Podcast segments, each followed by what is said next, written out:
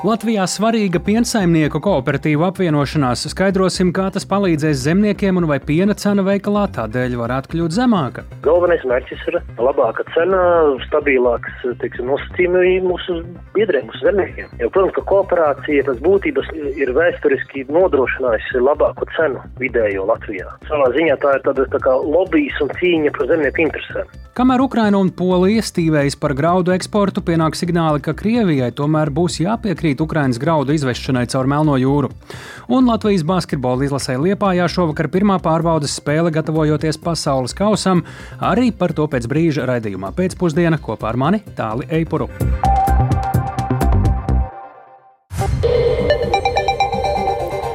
Pūkstens ir 16,5 minūtes, skan pēcpusdienas ziņu programma skaidrojot šodienas svarīgus notikumus. Studijā tālāk Eipors, labdien!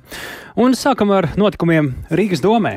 Būtisks pavērsiens galvaspilsētas koalīcijas sarunās šodien trīs frakcijas jaunā vienotība, Nacionāla apvienība, Reģiona apvienība un arī deputātu bloks Kots Rīgai paziņoja, ka par koalīciju sāk komunicēt arī ar līdzšinējās opozīcijas partijām, lai izveidotu koalīciju. Iemesls, viņuprāt, lielākā frakcija par progresīvie sarunas stiepjas garumā.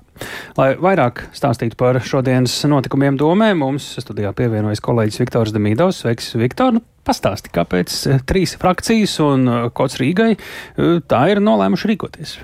Jā, labdien! Nu, Rīga jau gandrīz mēnesi ir bez mēra, un tikpat ilgi notiek arī sarunas starp līdzinājās koalīcijas politiskajiem spēkiem. Un šodien, varētu tā teikt, bija izšķirošās sarunas par to, vai lielākā frakcija par progresīvie turpinās strādāt kopā ar tevis pieminētajām trim frakcijām. Jaunā vienotība iepriekš kā kompromisu piedāvāja atdot progresīvajiem pilsētas attīstības komiteju, taču šodien pēc aptuveni pusstundu garas apspriedes progresīvie atteicās no šī amata, sakot, ka viņi gatavi spērt līdzīgu soli, atdodot sociālo jautājumu komiteju, ko vada gandrīz trīs gadus. Un tādā uh, rezultātā nevis četras komitejas viņi ir gatavi uh, vadīt, bet uh, divas ja, respektīvi solis spērt atpakaļ. Uz tādu kompromisu un, un tādus uh, kompromisu soļus viņi sagaida turpmāk no pārējiem trim politiskajiem spēkiem.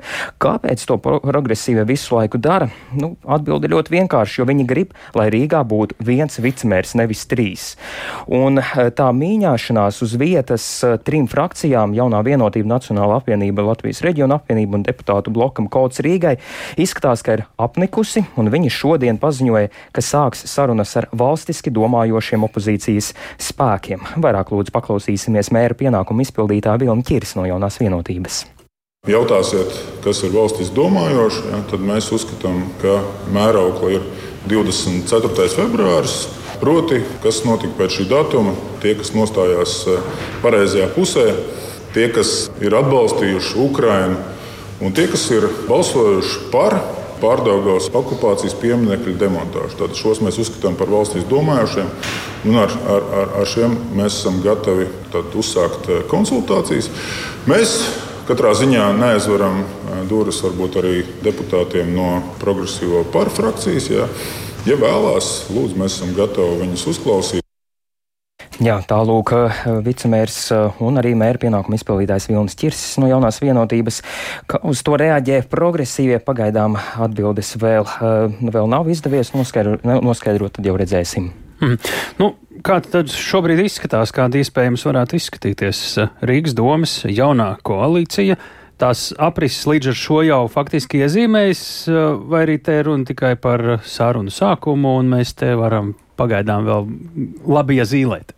Formāli tas ir sarunu sākums, bet eh, zinot eh, nu, to politisko kārtību, tad izskatās, ka, un to man arī ir apstiprinājuši, eh, ka sarunas notiks ar gal, gods kalpot Rīgai un Latvijas attīstībai, kas savulaik bija koalīcija agrāk tieši Latvijas attīstībai. Abas frakcijas tieši tā ir apstiprinājušas, ka ar trim frakcijām sarunāsies un tiksies.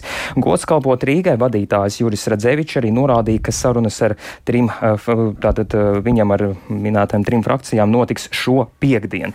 Vienlaikus viņš nu arī norāda, ka viņa frakcija ir gatava komunicēt arī ar progresīvajiem.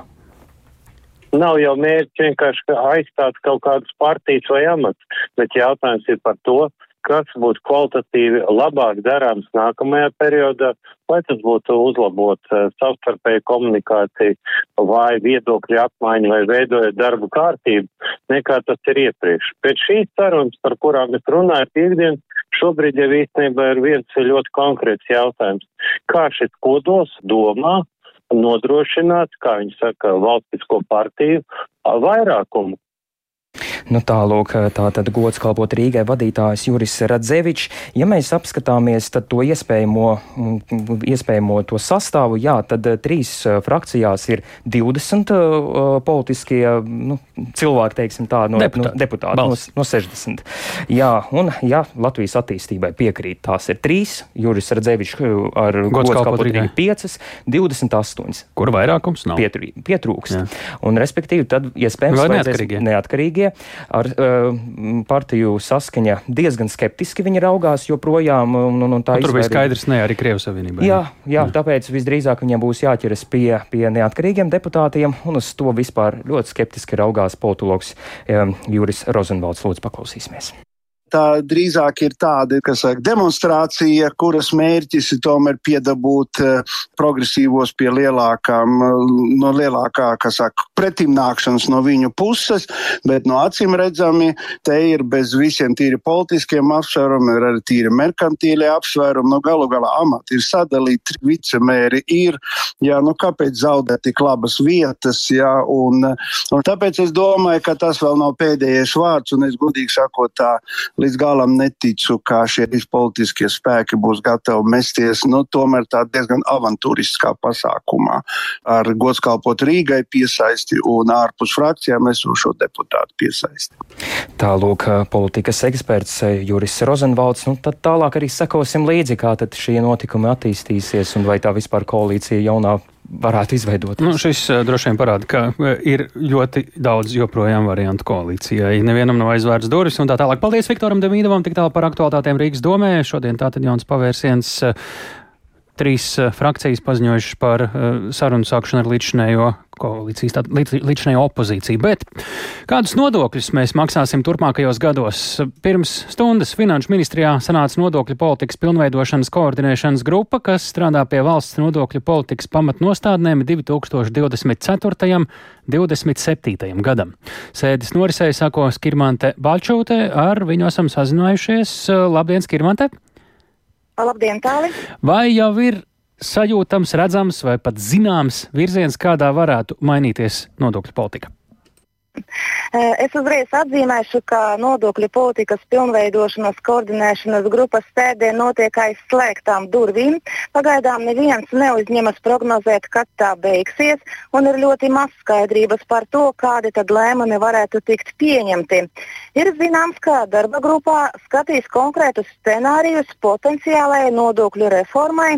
Galvenās prioritātes esot trīs - drošības sistēmas, izglītības un veselības aprūpes finansējums.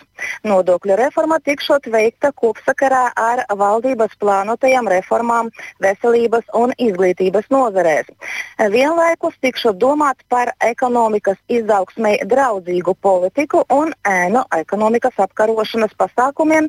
Finanšu ministrija jau ir sagatavojusi ēnu ekonomikas ierobežošanas plāna projektu 2024. un 2027. gadam un ir sākusi publisko konsultāciju procesu par to. Tad sēde joprojām vēl uh, turpinās, jā? Ja? Sēde turpinās, -hmm. jā, Labi. un uh, gribētu atzīmēt, ka Jā, uh, darba grupa vai. Tas nozīmē, ka mēs par tās rezultātiem uzzināsim citos ziņu izlaidumos, bet kā tu teiktu, uh, ko sagaida sociālie partneri, nu, kas mums ir arotbiedrības uzņēmēji, ko mēs no viņiem dzirdam? Jā, jā, viņi arī piedalās uh, darba grupā, un uh, uzņēmējiem ir ļoti svarīga viņa konkurētspējas celšana. Šajā ziņā ir ļoti svarīgi, lai nodokļu reforma tiktu veikta kopsakarā ar nodokļu izmaiņām citās Baltijas valstīs. Uh, savukārt arotbiedrības uzstāja uz neapliekamā minimuma un minimālas algas celšanu. Piemēram, Lietuvas valdība jau ir atbalstījusi minimālas algas celšanu uh, vēl par 10%. Tur līdz 924 eiro. Tajā pat laikā Latvijā minimāla alga ir ievērojami zemāka - 620 eiro. Un plānots, ka nodokļu reformas pamatnostādnes valdībā varētu tikt skatītas augusta vidū. Pavisam drīz jau. Jā.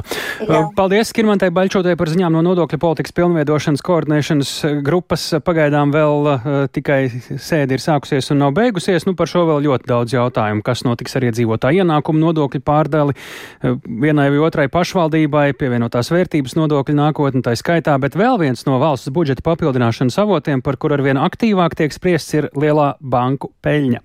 Gan Latvijas banka, gan Finanšu ministrija šajā virzienā raugās arvien aktīvāk, norādot uz lielajiem tiem ienākumiem, ko bankas jo īpaši gūst ar augstajām eiro procentu likmēm. Latvijas banka iesaka valdībai mainīt līdzšinējo retoriku, ka bankām būtu aktīvāk jākreditē, jo daudzi kredītus nevar īsti atļauties. Tā vietā bankas liek pretī argumentu, ka šobrīd tās ceļ procentu likmes arī depozītiem. Vien biežāk, kā ieguldījumu veids Latvijā, izskan arī tirgošanās ar valsti jeb krāju obligācijas. Ar tām iespējams nopelnīt pat vairāk. Par to vairāk klausāmies Edgara Kupča ierakstā. Pandēmijas gadu raisītās bailes par ekonomikas pamiršanu un tam sakojušais politiķu lēmums virs cilvēku galvām kaisīt tā saukto helikopteru naudu visdažādākajos atbalsta veidos turpina radīt blaknes, jo ekonomikā ieplūdinātā nauda un papildus dzīves dārdzību veicinājušais kara faktors Eiropas centrālajai bankai liek likt lietās sviras inflācijas mazināšanai. Kārtējs lēmums par 0,25% punktiem audzēt galvenās procentu likmes kāpina naudas cenu un Komercbanks uz to reaģē ar likmju celšanu noguldījumiem. Seibankas valdes loceklis Arnis Škapars stāsta, ka par gadīgu depozītu var tikt pie 3,8% likmes. Tā ir viena no augstākajām tirgu un vispār kopumā Baltijas valstīs. Un tā arī ir konkurences situācija. Bankas grib piesaistīt jaunus klientus, bankas negrib zaudēt savus esošos klientus un līdz ar to mēģina piedāvāt konkurētspējīgus noteikumus saviem klientiem. Viens piemērs juridiskām personām mēs burtiski pirms trim nedēļām ieviesām krājkontu digitālu krājrīku, ja, un mēs maksājam 2,15% par šādu pakalpojumu. Mums no nulles līdz 25 miljoniem trīs nedēļās pieaug šādu noguldījumu. Pakalpojumu šādu popularitāti visā banku sistēmā. Viņa aug, es pat teiktu, visai ātri. Tie ir, tie ir simti miljoni eiro, kas tiek noguldīti noguldījumos. SEB piedāvātās termiņu noguldījuma likmes ir vienas no augstākajām tirgū, tomēr tās nesasniedz valsts piedāvājumu par krāju obligācijām - 4% gadā vai 3 gados un peļņa bez nodokļu aplikšanas. Arnišs Kapars to sauc par klientu kalvi. Es teiktu, ka tā ir tāda veselīga konkurence. Es drīzāk gan teiktu, ka mēs priecājamies par to, ka mūsu klienti izmanto krāju obligācijas, jo, redzat, tas ir vērtspapīrs. Klienti iemācās uh, jaunas lietas, viņi pierod ieguldīt kapitāla tirgos, redzat, nopirka krāju obligācijas, nākamreiz nopirks kādu vērtspapīru vai akciju vai ieguldījumu fondu. Man šķiet, ka tas drīzāk ir uh, nu, tā, tā kopīgi mēs uh, izglītojam sabiedrību par to, kā gudrāk pārvaldīt pārvaldīt finanšu resursus. Es neredzu valsts kasi kā nu, ļoti lielu konkurentu. Drīzāk tas ir labs papildinājums kopīgā finanšu sektora piedāvājumam. Arī Svetbanka uzkrājuma produktu līnijas vadītāja Agnese Grāvelsiņa valsts piedāvājumu par krājobligācijām nesauc par lielu konkurentu. Turklāt līdz ar noguldījumu likmju celšanu augot klientu interese. Arī Svetbanka izdevīgākais noguldījuma veids ir uz gadu, kam procentu likme no līdzinējiem 3,5 pacelta uz 3,75. Tā interese arī klientu pusē pieaug. Jā, ja no gada sākuma mēs skatāmies, tad tieši termiņa depozītos tā ieguldītā summa ir palielinājusies vairāk kā trīs reizes kā klienti arī seko līdz tam, ka likmes kāpj un arī izvēlās nevis turēt vienkārši naudu kontā, bet pārvirzīt uz uh, noguldījumiem, ieguldot termiņu depozītā, ieguldot krājrīkā, tādējādi arī pelnot no šiem saviem naudas līdzekļiem. Jā, tā kā tā daļa, ko šobrīd klienti pārvirza uz noguldījumiem, ar katru mēnesi faktiski pieaug. Krājkontiem un termiņu noguldījumiem likmes nu jau pusgadu kāpina arī Banka Citadele. Stāsta valdes loceklis finanšu jautājumos Valters Ābele. Jāsaka gan, ka ne uz pārāk gariem termiņiem šobrīd populāri ir trīs vai seši mēneši. Ja? Tā kā te vēl varbūt tās var papētīt, vai tas ir tāpēc, ka cilvēki sagaida augstākas likmes, vai tas ir tāpēc, ka vēl inflācija ir augstāka par noguldījumu likmēm, un it kā tīri pragmatiski izdevīgāk tomēr to naudu iztērēt kādam lielam pirkumam, ja, ja, ja tā inflācija ir augstāka par noguldījumu likmēm.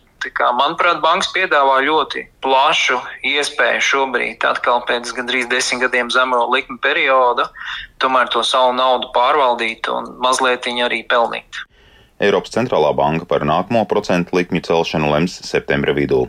Tās mērķis ir panākt inflācijas krišanos līdz 2%, bet pašlaik tā ar vienu ir ap 5% apmērā. Edgars Kupčs, Latvijas radio. Valdībai un koalīcijai šobrīd jātiek skaidrībā ne tikai par nodokļu politiku, kreditēšanu, bet arī par citiem pamatprincipiem, pēc kādiem turpmāk kopumā darbosies un attīstīsies Latvijas ekonomika.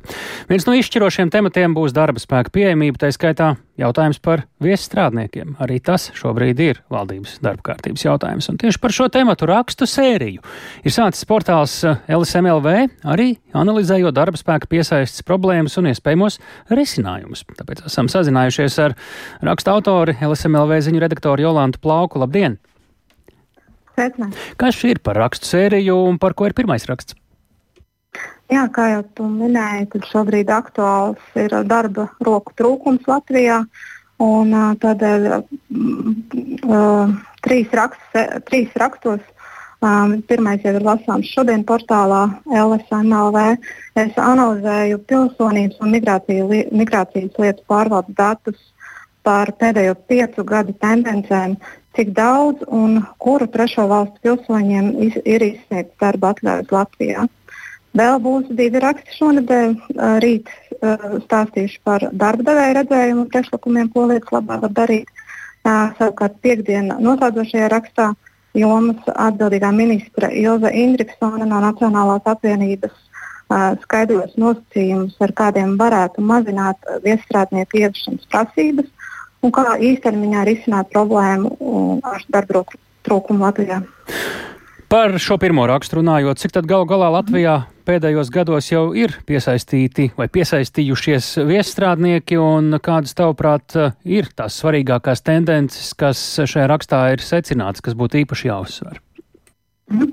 Uh, jā, tendences uh, ir acīm redzamas uh, pēdējo piecu gadu laikā. Katru gadu, izņemot pandēmijas pirmo gadu, 2020. gadu, um, katru gadu palielinās izsniegto darba atļauju skaits trešo valstu pilsoņiem un gan strauji. Proti, pēdējo piecu gadu laikā šis skaits ir te divkāršojies. Es skatījos, Piemēram, 19. gadā bija 11 tūkstošiem un nu, jau gandrīz divkārt vairāk strādnieku pagājušajā gadā.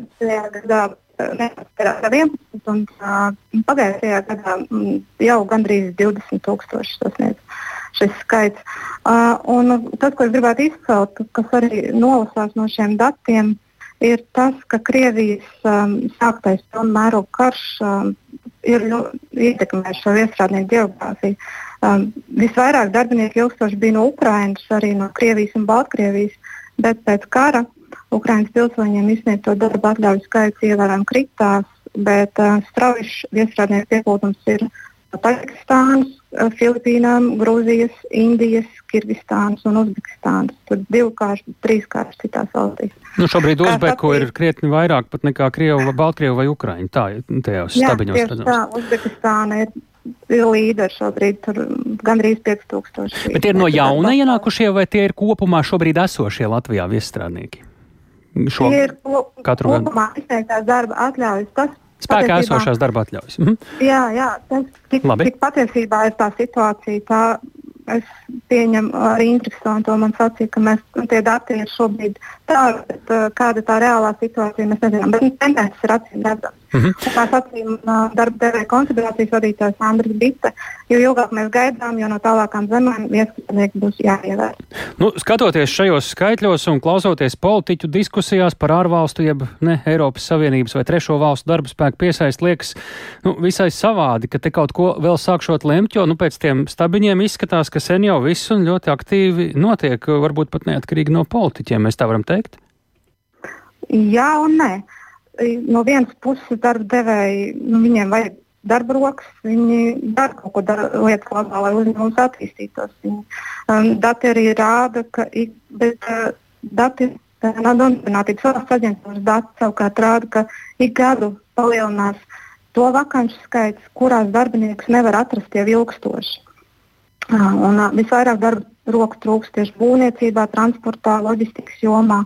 Var redzēt, ka šie dati korelē ar to, ka nu, šajās jomās tieši arī viesstrādnieki tiek piesaistīti visvairāk. Um, bet darba devēji saka, ka vajag vēl mīkstināt un atvieglot viesstrādnieku ieviešanas prasības. Tur ir daudz birokrātijas, tādu nevajadzīgu dokumentu, kas liek apiet likumus. Uh, bet uh, viņi arī saka, ka ir iespējams stingriem nosacījumiem, uh, mm -hmm. kā viņš šeit ievest. Lai nebūtu tā, ka viņš šeit iesakņos un pēc, uh, pēc laika brauc atpakaļ. Varam vaļā Sabiedrisko mediju portāla LSMLV meklējam šodien pirmo rakstu sērijā par darba spēka kustības tendencēm Latvijā un risinājumiem. Sarunājāmies ar LSMLV ziņu redaktoru Jolantu Plauku, šīs rakstu sērijas eh, autori. Šodien pirmais, eh, rīt parīt nākamie divi raksti. Bet par ekonomiku turpinām šoreiz par procesu, kas var ietekmēt arī pārtiks cenas Latvijā, proti lauksaimnieku kooperatīvi piena, loģistika un Māršava ir sākuši sadarbību piena savākšanā un nākotnē plāno pilnīgu kooperatīvu apvienošanu. Jau šobrīd sadarbības modelis paredzot eh, vienādu piena iepirkumu cenu abu kooperatīvu biedriem, kā arī laicīgu apmaksu. Konsolidējot piena kooperatīvas lauksaimnieki cer stabilizēt šobrīd svārstīgo piena iepirkuma cenu un attīstīt ilgtermiņa sadarbību arī ar vietējiem piena pārstrādātājiem. Plašāk Sintīs Ambotas ierakstā. Esam pie Valmieras, Kocēnos, zemnieku saimniecībā Mazdzērvītas, ģimenes saimniecība. Cik gadus? No 2000. gada esam sākuši strādāt piensaimniecībā. Valmieras novada lauksaimnieks Jānis Ločmēls, ar kuru tiekamies pie viņa piena lopu ganāmpulka, ir arī Latvijā lielākā piena kooperatīva piena loģistika padomas pārstāvis. Lēmums par sadarbību ar nelielāku kooperatīvu Māršavu pieņemts, jo jau šobrīd abiem kooperatīviem pārklājas piena pārvadāšanas maršruti. Vienlaikus zemnieki vienojušies, ka pilnīga apvienošanās gan vēl ir nākotnes jautājums. Piensaimnieku kooperācijā kā tādā ļoti gribās nesasteigt šīs lietas un sākt nu, teikt, no pašiem pamatiem, sakārtot pirmo līmeni. Kas ir e, vispār tas, kad kooperatīva vadītāji ir spējīgi apsēsties pie viena galda, diskutēt par kaut kādiem jautājumiem, sadarboties piena tirdzniecībā, optimizēt e, šos loģistikas jautājumus, kas nu, ļoti mums pārklājās. Ja. Sākt ar šo te Jā, ja runā par cenu, vai tas palīdz uh, nodrošināt stabilāku un arī augstāku cenu zemē? Tas, ka ir vairāk biedru. Tas noteikti palīdz, un mēs esam priecīgi par šo savākto piena apjomu, ko mēs varam palielināt. Kooperatīvs piena loģistika līdz šim dienā no saviem zemniekiem savāca ap 280 tonnas piena, bet apvienojoties ar Māršavu, savāktā piena apjoms būs 310 tonnas dienā. Piena loģistika pusi piena apjomu realizē pārstrādes uzņēmumos Lietuvā, un otru pusi vietējā pārstrādē nododot to Tukumā, Jelgavā un Sasvainē. Tāpat šobrīd tiek plānots attīstīt sadarbību ar piena pārstrādātājiem Igaunijā. Taču Ločmelis saka, ka apvienojot spēkus un palielinot piena apjomu, cer vairāk attīstīt veikt sadarbību tieši ar vietējo pārstrādi. Esam gatavi skatīties dažādus sadarbības modeļus, kādi ir iespējami. Jo mēs arī esam nosvērušies par labu uh, ilgtermiņa līgumiem. Jā, ļoti vēlētos vairāk vietējo pārstrādi, kad arī sēžamies pie viena galda. Nav mums tā mīļā Latvija tik liela, lai spētu darboties katrā pagastā pa vienam kooperatīvam. Bet tas ir saruna process, kur mums pašiem ir šīs lietas jāizzina. Tikai tad kaut kas var virzīties tālāk. Bet kā jūs vērtējat, kāpēc ir tā situācija, ka tas nav ātrs process? Jo tiešām par konsolidēšanu tiek runāts vismaz 20 gadus. Mm -hmm. Kā jūs šobrīd tajā procesā esat, vērtējat, kāpēc tas ir smagnējs process? Pirmkārt, jau droši vien tāpēc, ka mēs visi esam lauksaimnieki un piensaimnieki. Un tā ir uh, arī tāda atbildības nasta. Katram ir savas lietas un savas domas, kā viņš ir līdz šim to redzējis. No savas puses var pateikt, ka laikam ir tā, ka ir jāpamainās drusku paudzei arī, jāpaiet laikam uz priekšu. No tehniskā, juridiskā viedokļa tas ir sarežģīti, grūti apvienoties. Ir kaut kāda šķēršļa šajā jomā vai ne? Tur, tur nekādas uh, problēmas nu, mēs tā kā nesaskatām. Tas ir izdarāms ātri, vienkārši un nesāpīgi. Piena loģistika pat labāk apvieno 73 biedrus. Savukārt Māršavā darbojas 35 saimniecības, un tās valdes priekšsēdētājs Jānis Auziņš atzīst, ka runas par šo kooperatīvu sadarbību gan arī jau ir ilgstošas, taču saskaroties ar kārtējo cenu krīzi, lauksaimnieki vienojušies, ka tas palīdzēs biedriem nodrošināt stabilitāti. Galvenais mērķis ir labāka cena, stabilāks teiksim, nosacījumi mūsu biedriem, mūsu zemniekiem. Jo krīzes nāk un iet, bet tas ir vienkārši arī mums ir jāgatavojas un jārisina šī problēma. Protams, šī krīze mazliet iezīmēja to, ka arī, diemžēl, atsevišķi pārstrādātāji šo cenošanas politiku izmantoja, lai tā kā mazliet kooperatīvus nostādītu sliktākā situācijā nu, teiksim, ar cenu līmeniem, un patiešām maksāja varbūt vairāk nekā kooperatīviem, jo, protams, ka kooperācija pēc būtības ir vēsturiski nodrošinājusi labāku cenu vidējo Latvijā. Savā ziņā tā ir tāda tā kā lobbyis un cīņa par zemnieku interesēm. Piena loģistika un Māršava pagaidām daļai savus spēkus apvienojuši no augusta, bet plāno tikties un diskutēt arī ar citiem reģionu kooperatīviem par sadarbības paplašināšanu. Sinti Ambote, Latvijas radio. Kas notiek kopumā Latvijas piena tirgu, to mums piekritis eh, nākt tālāk un analizēt Latvijas lauksaimniecības kooperatīva asociācijas ģenerāldirektors Rolands Feldmanis. Labdien! Labdien! Ja paskatāmies kopumā, kas eh, virsrakstu līmenī ir tās lielākās problēmas piena ražošanas un pārstā, pārstrādes un tirdzniecības ķēdē Latvijā, burtiski virsrakstu līmenī dažos vārdos, kā jūs to redzat? Jā, tā tad pirmām kārtām mūsējā produkcija pārstrādātā zaudēja savu vietu veikalu plauktos, lai gan mums ir ļoti daudz lojālu Latvijas pircēju, un viņi joprojām pērk izvēlās Latvijā ražotu pienu, bet piena cenas lētums kas nāk no Polijas, lētāks piens, arī saistībā ar PVN un arī no Lietuvas, tad daudzi izvēlās šo budžeta versiju un izvēlās viņus. Šos, šo veidu piens, tā ir viena tendence. Nākošā piena ražošana Latvijā ir tā, ka mēs ražojam pienu vairāk nekā mūsu pārstrādes uzņēmumi pārstrādā. Respektīvi, mēs, mēs piena ražotāji esam spiesti izvest pienu un piedāvāt to Lietuvai un Igaunijai. Tā ir otra tendence. Un trešā tendence ir tāda, ka pateicoties šai piena nu, zemai cenai, kas daudziem piena ražotājiem liek pārdomāt nākotnes redzējumu, spēju nopelnīt nākotnē, nu, iespējams, piena ražotāju skaits, saimniecības skaits, kas ražo pienu, tuvākā laikā var samazināties. Bet Jā. es minēšu to, ka mums arī nav valsts līmenī tādas Jā. koncepcijas, vai mums vajadzēs šo pienu ražot vairāk vai mazāk. Labi. Uh, Tas ir diskutējums jautājums. Paskatoties uz šo šādu apvienošanos, par kuru mēs nu pat sižetā dzirdējām, piena loģistika un māršava pēc sauktā piena daudzuma piena loģistika ir nu, lielākais piena kooperatīvs Latvijā. Kāds ir jūsu secinājums redzot, ka notiek šāda apvienošanās?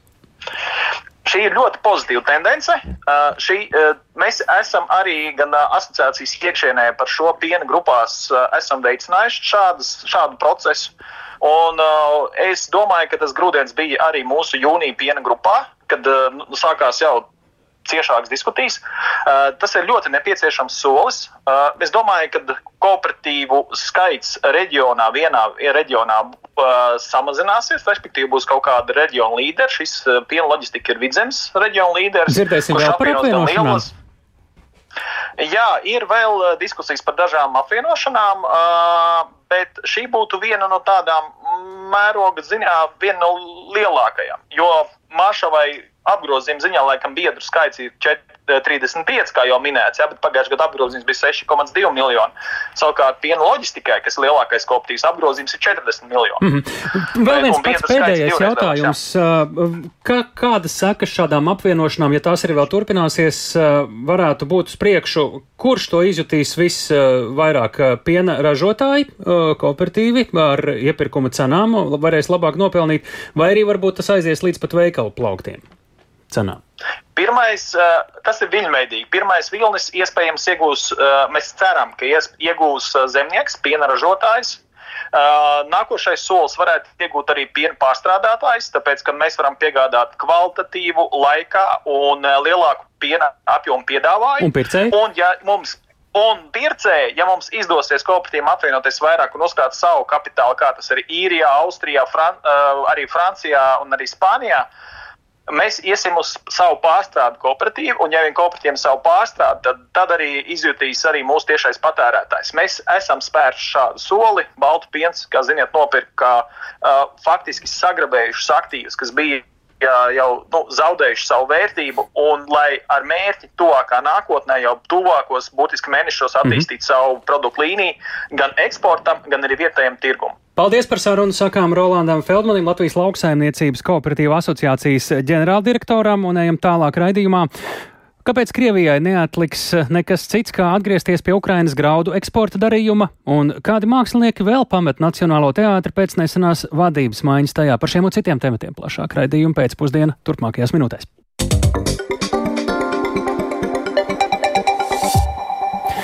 Bijušajam ASV prezidentam Donaldam Trumpam ir izvirzītas krimināla apsūdzības par mēģinājumu ietekmēt 2020. gada prezidenta vēlēšanu rezultātus. 45 lapušu biezajā apsūdzības rakstā apgalvots, ka Trumps ir organizējis plašu sazvērestību ar mērķi saglabāt varu pēc zaudējuma Džo Baidenam. Šis ir kārtējās krimināla apsūdzības pret Trumpu, taču pagaidām nekas neliecina, ka tās varētu traucēt viņam iegūt Republikāņu partijas nomināciju 2024. gada ASV prezidenta vēlēšanās. Turpina Uldis Cheers, mate.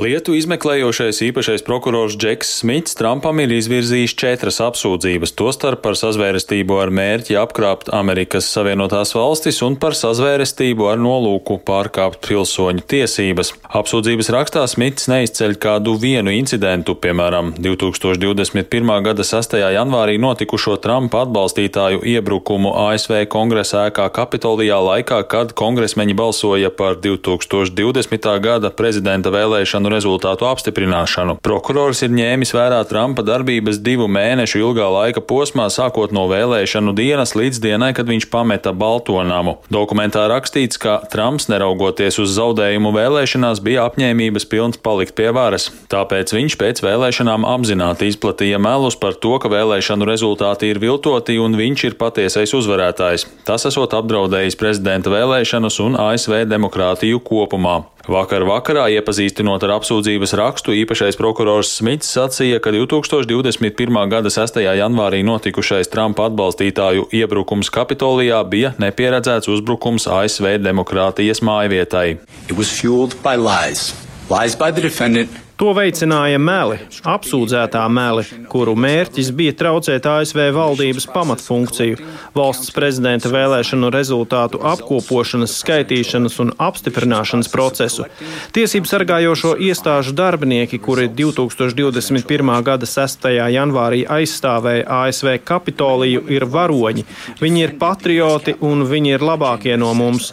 Viņi ne tikai aizstāvēja ēku vai cilvēkus, kas tajā patvērās, viņi riskēja riskēja ar savu dzīvību, lai aizstāvētu to, kas mēs esam kā valsts un kā tauta. Viņi aizstāvēja tās institūcijas un principus, kas ir pamatā Amerikas Savienotajām valstīm. Ja tiesa Trumpu atzīs par vainīgu viņam izvirzītajās apsūdzībās, tad bijušajam prezidentam draudēs līdz pat 20 gadiem cietumā. Visticamāk, ka viņš saņems daudz mazāku sodu, jo Trumpam nav iepriekšēja sodāmība. Trumpam rīt būs jāierodas tiesā Vašingtonā, kur viņam nolasīs apsūdzības. Pats Trumps savu vainu viņam izvirzītajās apsūdzībās ir noliedzis un nosaucis tās par smieklīgām. Viņš uzskata, ka tas ir mēģinājums iejaukties 2024. gada ASV prezidenta vēlēšanās. Trumps pretendē uz republikāņu partiju partijas nomināciju vēlēšanās, un pašlaik viņš ir galvenais favorīts, lai nākamā gada novembrī vēlēšanās stātos pretī demokrātam Džo Baidenam. Šī ir jau trešā izmeklēšana, kuras ietvaros Trumpam ir izvirzītas krimināla apsūdzības. Iepriekš viņu apsūdzēja par slepenu valdības dokumentu glabāšanu pēc prezidentūras beigām un par grāmatvedības dokumentu viltošanu, lai slēptu klusēšanas naudas maksāšanu pornozvaigznei Stormijai Danielsai. Uldis Česberis, Latvijas radio. Lai komentētu šo pie mūsu klausulas Baltijas drošības fonda prezidents Olevs Nikers. Labdien! Labdien! Nu, kā dzirdējām, šī ir jau trešā izmeklēšana, kurā Trumpam ir izvirzītas krimināla apsūdzības. Šis ir kas jauns, svarīgs, kas tāds, kas var ietekmēt viņa pretendēšanu virzīšanai uz prezidenta amatu, vai līdzīgi kā iepriekšējās arī e, šīs jaunās apsūdzības e, faktiski maz ko maina un viņu visticamāk nominēs republikāņi? Uh, visticamāk, uh, diemžēl.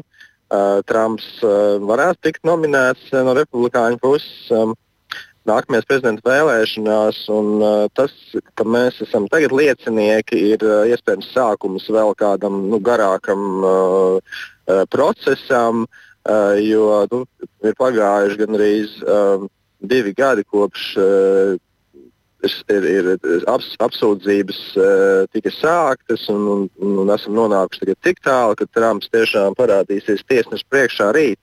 Uh, taču mums tagad nu, pamats, vai ne, kas vēlās nu, priecāties par to, kas ir noticis, un ka tagad Trumps ir no trases, ne, diemžēl.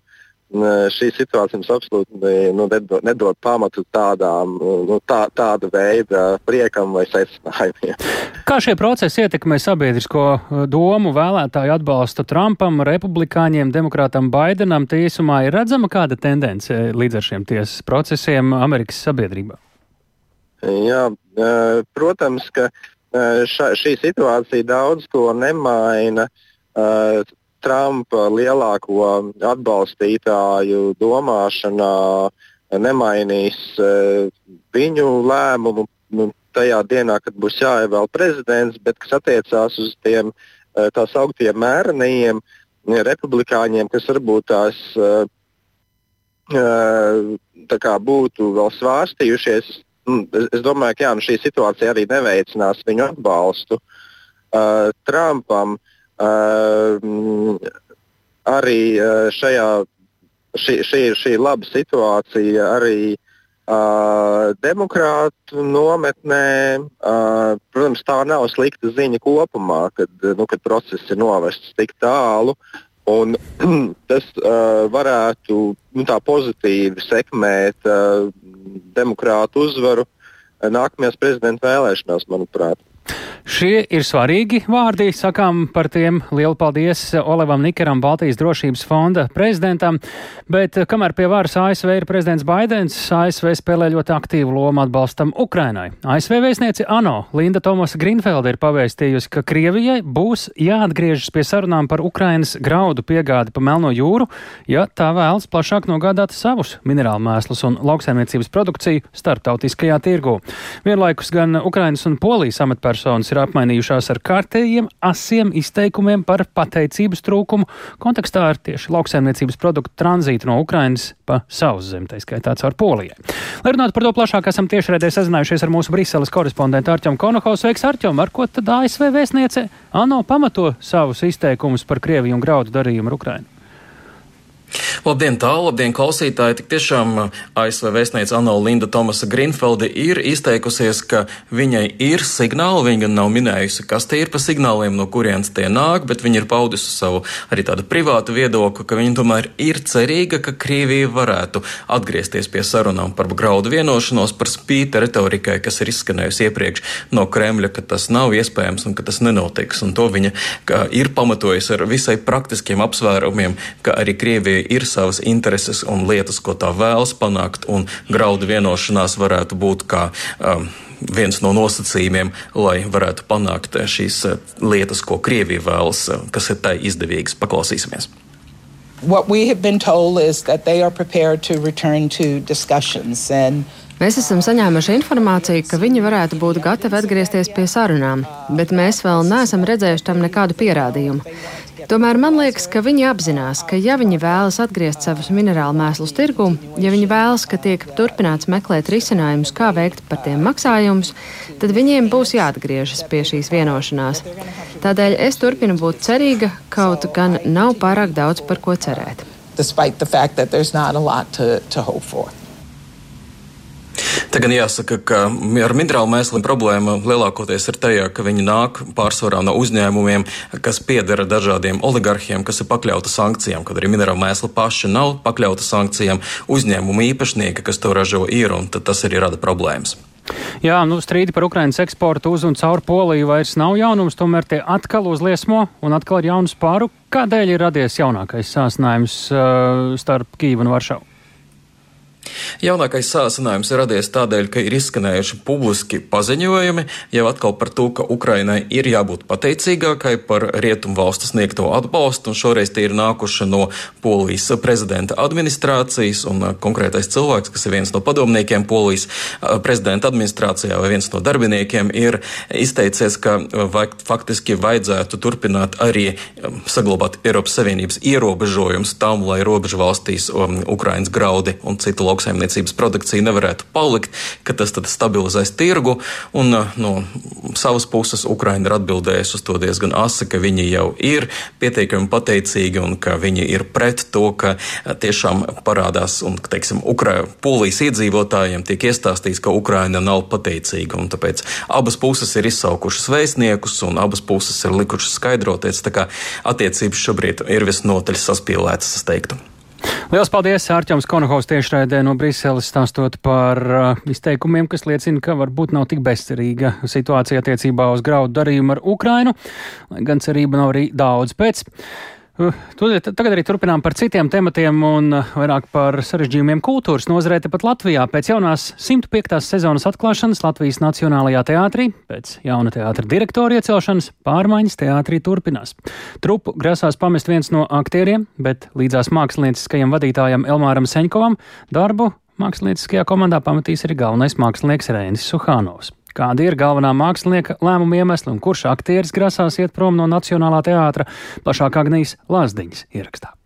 Latvijas radio saņēma informāciju no anonīma, bet ticama avota, kas ir saistīts ar teātri, ka aktieris Arturs Krūskops ir uzrakstījis atlūgumu. Iemesls iespējams esot saistīts tieši ar Elmāra Seņkova aiziešanu no amata. Kā ziņots iepriekš amatā stājoties jaunajam direktoram Mārim Vītolam, teātra mākslinieckā komanda nespēja ar Vītolu vienoties par teātra turpmāko darbības modeli. Diemžēl ar Arturu Krūskopu Latvijas radio neizdevās sazināties. Arī Latvijas Nacionālais teātris par to vēl nevēlas runāt, sakot, ka šobrīd esot pārunas. Es šo informāciju dzirdu pirmo reizi, un cik nu, es zinu, runājot ar kolēģiem, nekas tāds nav. Tā kā es domāju, ka tā ir tāda dezinformācija. Tā Nacionālā teātra aktieris Normons Laizāns. Līdzīgi viņam izsakās arī citi teātra aktieri, uzsverot, ka šobrīd nekas neliecinot par kādu aktiera došanos prom no teātra. Tomēr dienu pēc Seņkova paziņojuma par aiziešanu no amata šādu pašu lēmumu pamest teātra māksliniecisko komandu pieņem arī Nacionālā teātra galvenais mākslinieks Reinis Suhanovs. Viņš uzsver, uzsver, ka iemesls ir bijis tāds pats kā Seņkovam. Suhanovs uzticējās Seņkova profesionālitātei un viņa redzējumam par to, kādam ir jābūt teātrim. Uzrakstījās lūgumu, lai būtu godīgs pret sevi un arī pret uh, gan iepriekšēju, gan jauno Nacionālā teātra valdes locekli. Un zinot arī, ka mākslinieckam vadītājiem Elmāram Ceņkovam beidzās darba līgums 1. augustā, lai mēs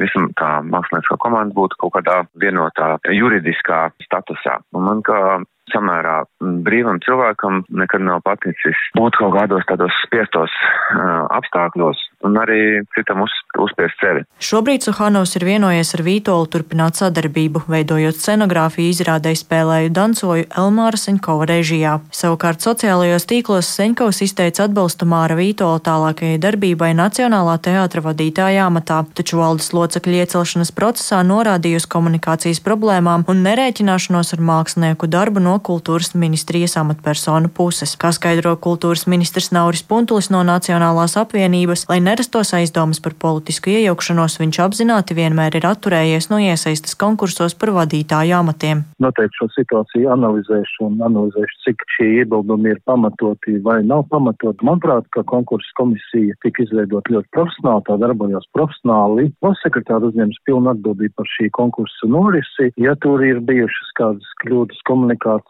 tad es to pārunāšu ar valsts sekretāru, kad viņi atgriezīsies no atvaļinājuma. Teātrī uzsver, ka teātri jaunās sezonas plāni izziņot jau maijā, tāpēc Seņkova aiziešana no amata nākamo sezonu, ko veidojas Seņkovs un viņa komanda, neietekmēs. Tiks iestudēti visi plānotie jaunie studējumi. Agnija Lazdiņa, Latvijas radio. Bet nu par citu skatu krietni skaļāku, bet arī ar spēlētāju rokādēm.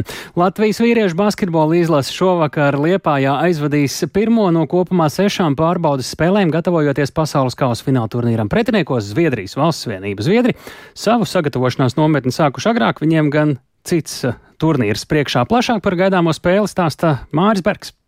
Latvijas vīriešu basketbola izlase šovakar noslēdz pirmo treniņu nometnes posmu ar pārbaudas spēli pret Zviedriju. Izlase nu jau gandrīz nedēļu pavadījusi Liepājā, un tieši tur arī notiks spēle pret Zviedriem. Pirmo dienu laikā treneri pārliecinājās par spēlētāju fizisko gatavību un lēma par slodžu sadalījumu nometnes turpinājumā, kā arī ielika pamatus iecerētajam spēles modelim.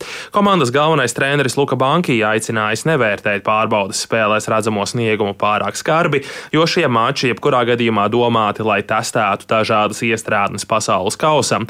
Šodien dzimšanas dienu svin Latvijas basketbola lielākā zvaigzne Kristaps Porziņģis, kuram aprit 28 gadi, taču treneri paziņojuši, ka viņš šopēcpusdienu laukumā nedosies. Basketbolists sociālās saziņas vietnē Twitter raksta, ka sāpīgi nespēlēt savā laukumā, taču viņa prioritāte ir būt gatavam pasaules kausam. Tāpat laukumā šovakar nedosies Dāvis Bērtāns, Andrzejs Pastišņiks un Jānis Tīma. Izlases nometnē Nometnē darbu šobrīd turpina 16 basketbolisti. Tikmēr Zviedri jau vairākas dienas atrodas Latvijā, un viņi paspējuši aizvadīt pārbaudas spēli tajā ar 72-74 zaudējot Ukrainai. Zviedri gatavojas Olimpisko spēļu priekškvalifikācijas turnīram, kas viņiem sāksies 13. augustā.